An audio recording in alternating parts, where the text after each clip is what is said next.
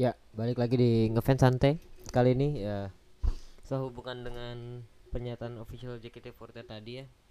Gue baru banget apa ya dari tadi tuh sebenarnya gue nggak kepikiran akan ada hal ini gitu.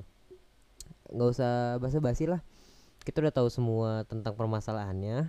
Kita udah tahu semua tentang apa yang terjadi di eh, belakangan ini dan tadi barusan langsung diumumkan sama eh, apa namanya official JKT48 dan itu dan itu cukup membuat kaget beberapa pihak sih karena ya eh dari yang gua lihat sih sepanjang ini ya dari yang gue lihat sepanjang ini di pengumuman tersebut adalah bahwa sebenarnya ya udah eh Ara sudah terkonfir- terkonfirmasi sebagai ex member JKT48 mulai hari ini pada tanggal eh, ini tanggal berapa sih? Gue lupa. Tanggal 25 Agustus ya kalau nggak salah ya. 25 Agustus 2021 Ara sudah dipastikan menjadi ex member eh, JKT48 dan ya gue bakal bahas dari sisi di mana kalau misalnya dia kenapa dia dikeluarin gitu. Eh, di sini sih dijelaskan karena ketidaksesuaian fakta tersebut lalu manajemen yang sudah berusaha berkomunikasi dengan yang bersangkutan untuk meminta klarifikasi tapi arahnya di sini pun tidak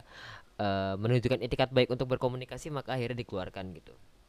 Gue bakal ngasih pandangan gue Eh, ini eh, oh ya ini disclaimer dulu. Ini adalah konten eh, monolog yang di mana gue nggak ditemenin sama satupun teman gue di sini karena memang mereka su- eh, masih ya gue menghargai mereka sebagai eh, fans yang ikut eh, turut serta sedih lah. Jadi gue memutuskan untuk ya membuat konten monolog ini khusus untuk eh, lo nih Zahra Nur Khaulah nih ex member JKT48 dimulai dari ya dari keterangan di sini yang lu nggak menunjukkan etikat baik ya.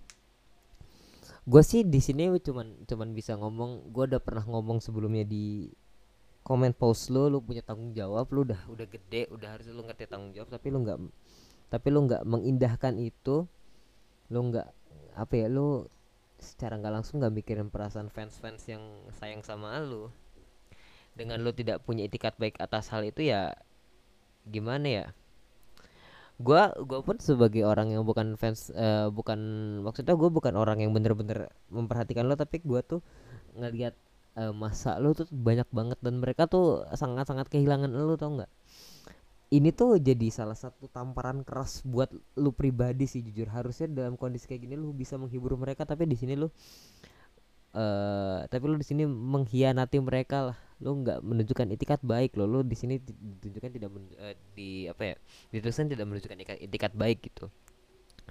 Yang kedua adalah eh pengumuman ini ya banyak yang udah ngira cuman memang waktunya tuh bener-bener nggak bener-bener nggak nggak terkirakan. Karena ya oh ya by the way gue mau ngucapin congrats dulu buat eh, podcast eh, apa What a Family 48 ya yang berhasil merengguh titel prestis yaitu Podcast of the Year dari Indonesian Digital Awards 2021 ya. Congratulations buat podcast uh, a Family 2 uh, uh, podcast a Family 48. Ini sebenarnya harusnya adalah hari kemenangan kita gitu. Maksudnya kita punya fans yang satu ini loh diken di appreciate sama membernya loh. Tapi dengan hal ini tuh membuat tamparan keras gitu buat orang-orang sebenarnya ya fandom ini nggak tidur. Gitu. Ya apa pun bisa terjadi pada saat a- apa pun bisa terjadi sekarang ini.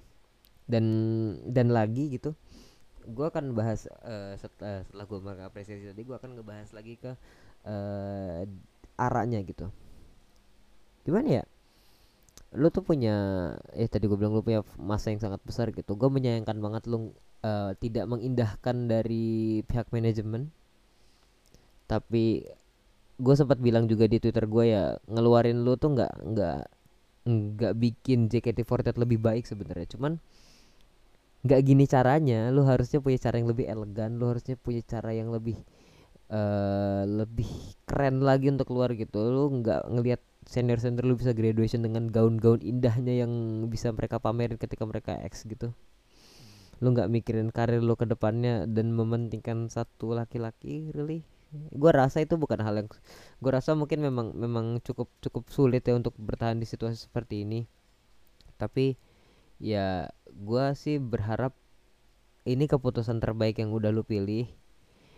Eh ini keputusan terbaik yang bisa lu ambil gitu dan uh, apa ya ini jadi satu hal yang ini jadi satu hal yang bisa ngebuat lu berpikir bahwa sebenarnya tuh nggak cuman nggak cuman nggak cuman lu doang yang memikirkan hal itu gitu. Tuh banyak orang yang berempati sama lu tapi lu nggak mengindahkan itu.